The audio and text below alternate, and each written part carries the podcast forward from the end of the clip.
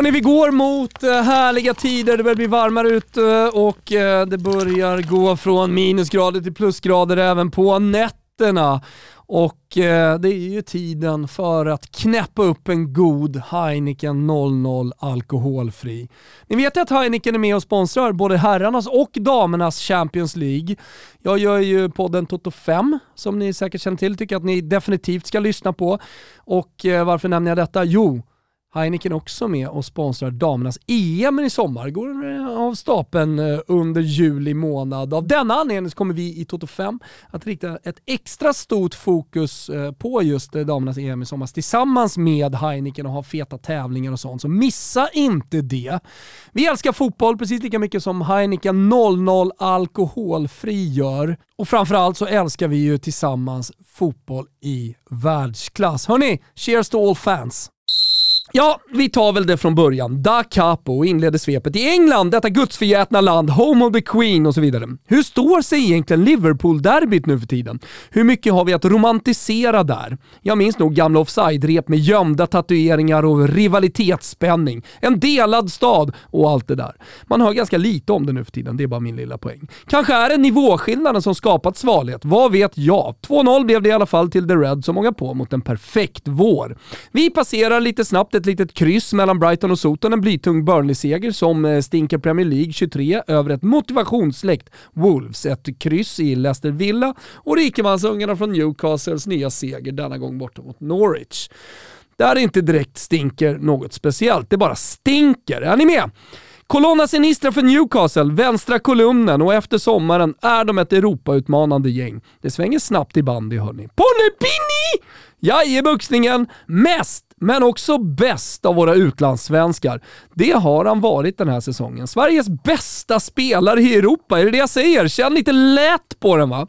Spännande fight blir det i London om den där sista Champions League-platsen. Arsenal med tunga tre poäng mot uh, aslätta Manchester United. Bara en för Conter Spurs, mycket på grund av Binny. Ja, ja, ja. Jag vet att Chelsea vann över West Ham, men vad vill ni mig? Vad gör ni mig? Vad vill ni med mig? Till Italien, La Grande Fuga, visst. The Great Escape-planen är iscensatt och allt går enligt plan nere i Salerno. På Arekistadion kastade Mr Nicola dojor och gormade och hade sig och visst blev det bra. 2-1 över ett Europajagande Fiorentina var en tung skalp och som jag precis sa, helt enligt den stora flyktplanen.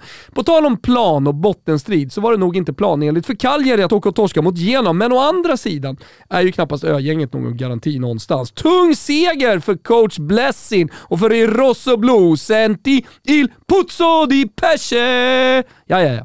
Meret hade ingen superdag i Toscana där han bjussade Empoli på alla tre poäng och Napoli föll bort en gång för alla från scudetto-striden.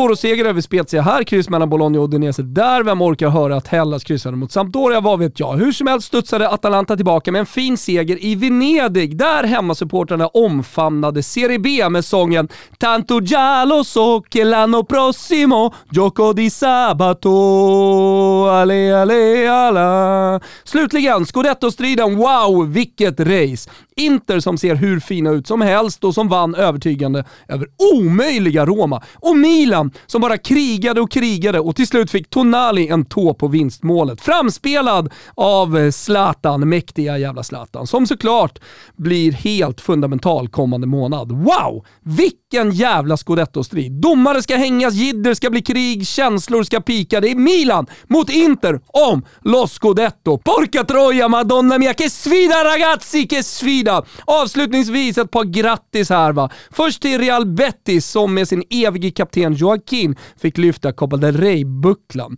Vackra scener från Spanien, men också grattis till Die große mächtige Bundesrepublik Preußen-Jungen von Bayern som manglat till sig ytterligare en titel. Monsterglasen på plan, någon som drängs i den gyllene drycken och allt är precis som vanligt i Tyskland. Och hörni, Kingsley Coman, vilken gubbe. Han är alltså bara 25 år och bara under sin karriär vunnit ligatitlar. 11 stycken. Bäst någonsin är Ryan Giggs på 13. Han är den nya talismanen. Släng dig i väggen Simone Paduin. Här kommer Kingsley Coman.